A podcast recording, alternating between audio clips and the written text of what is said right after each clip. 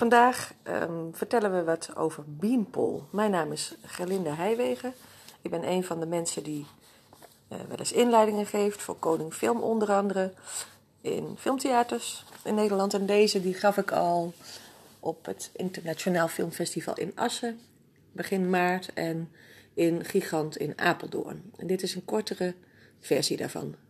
Beanpol. Uh, en informatie over de regisseur, een klein beetje dat soort dingen. Dat komt uh, in de inleiding. Ik, je kan hem luisteren voordat je de film ziet, ook achteraf. Ik verklap echt heel weinig. Ik geef een beetje context om de film heen. Beanpol.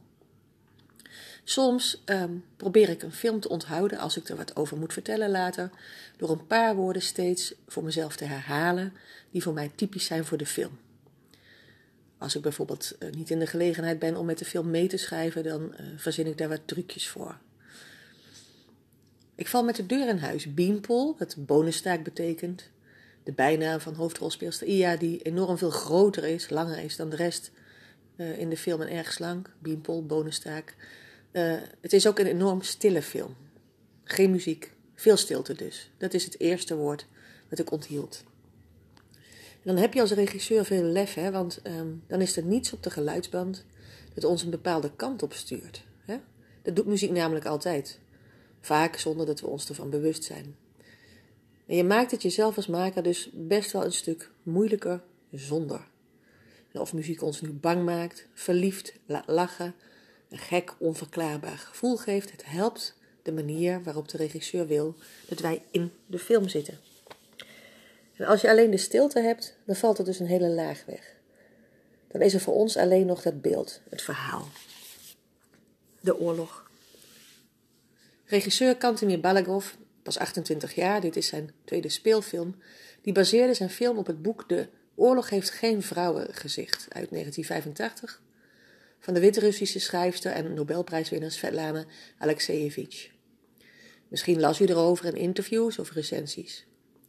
Het boek zelf is een interviewboek en bevat herinneringen van vrouwelijke regisseurs, Russische, sorry, even verkeerd naar mijn tekst gekeken, bevat herinneringen van vrouwelijke Russische soldaten, dat moet het zijn natuurlijk, aan de Tweede Wereldoorlog.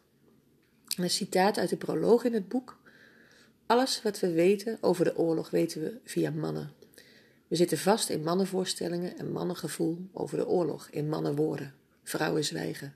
Niemand, behalve ik, schrijft de schrijfster Alexeyevich, had ooit iets aan mijn oma en moeder gevraagd. Ook niet aan de vrouwen die aan het front geweest waren. De oorlog is net voorbij in Beanpool. Oorlog. Oorlog maakt alles kapot. Oorlog maakt huizen kapot, landen. En vooral mensen. Mensen maken elkaar kapot. Mensen maken zichzelf kapot. Strijd, oorlog, waar en wanneer ook ter wereld is terreur, maakt van mensen beesten. Oorlog maakt mensen stil. Alexejevich zei het zo: hè, vrouwen zwijgen. Het neemt je stem weg. Stilte. Ia, de bonustaak, heeft een trauma waardoor ze regelmatig katatonisch wordt. En precies daarom mag de film natuurlijk ook geen muziek hebben. Zometeen nog, voordat u ook maar één seconde beeld heeft gezien, dat is dan voor als je dit uh, vooraf luistert, heeft u, jullie, hebben jullie haar al gehoord. Zachtjes, heel zachtjes, maar toch hoorbaar. Als Ia vast schiet, is dat met maar een klein gebaar van haar hoofd te zien en met slechts een zacht hoorbaar slikken te horen. En dan is daar een aparte keus qua kleur. Kleur, het andere woord dat ik wilde onthouden. U weet, de regisseur en de cameravrouw, vrouw in dit geval, beslissen hoe zij de film kleuren: kil, of warm, of gezellig, of afstandelijk. Filter je de blauwtinten naar boven, dan is al snel ongezellig. Maak je het roder en vooral geler, dan geef je ons warmte. Hier is gekozen voor dat gelige binnen, in de interieurs. En daardoor wordt rood en groen, vaak in meubels en kleding terugkerend, ook echt rood en groen. Maar de warmte is alleen daar maar, in die kleurbewerking. Alles is verder koud. Ik kreeg het letterlijk steeds kouder bij het kijken naar deze film. En ik kan van alles bedenken waarom Balagov deze keuze maakt. De verwarring werd er groter door bij mij. Mijn ogen zagen donker, maar weinig kilte in de kleuren. Het is donker, Maar in de kleuren zag ik dat niet.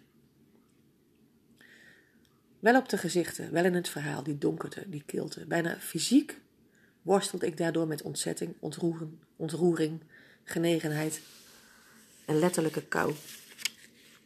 Balagov vertelde over de kleuren in een interview in de filmkrant. Oorspronkelijk wilde ik de film in zwart-wit maken, maar hoe meer ik las over deze geschiedenis, in archieven en dagboeken van mensen die in deze tijd leefden, hoe meer het me opviel dat mensen zich de kleur uit die tijd juist herinneren. Een manier om om te gaan met hun oorlogstrauma wellicht, zegt hij. Rood is de kleur van trauma, groen van het leven. Stilte, oorlog, kleur.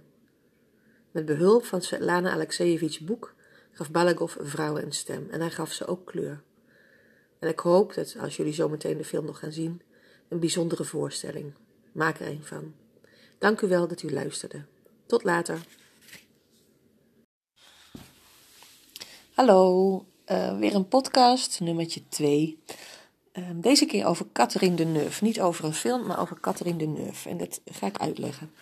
In augustus 2019, niet zo lang geleden, opende in Delden, in Museum No Hero, um, de tentoonstelling Yves et Catherine, une histoire d'amour.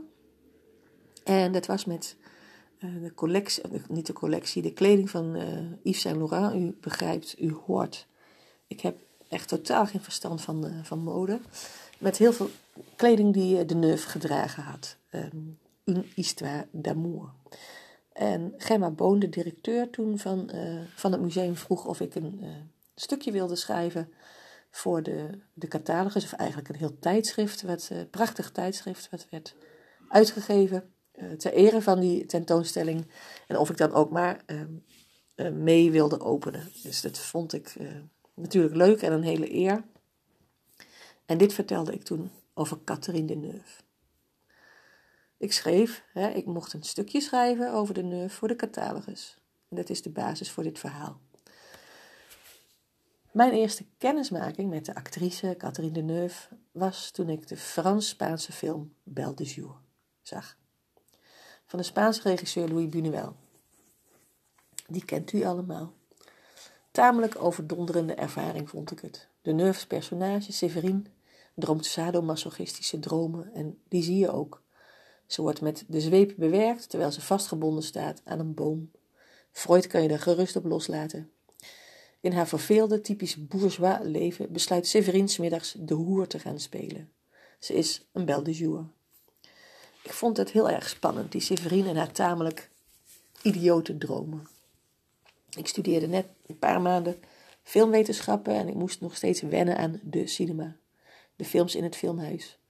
Bij gebrek aan een filmhuis in de stad waar ik opgroeide, we laten even weg wat, waar dat is, dat doet er niet toe, daar had ik de films van Fellini en een Fassbinder en zo alleen maar op video gezien.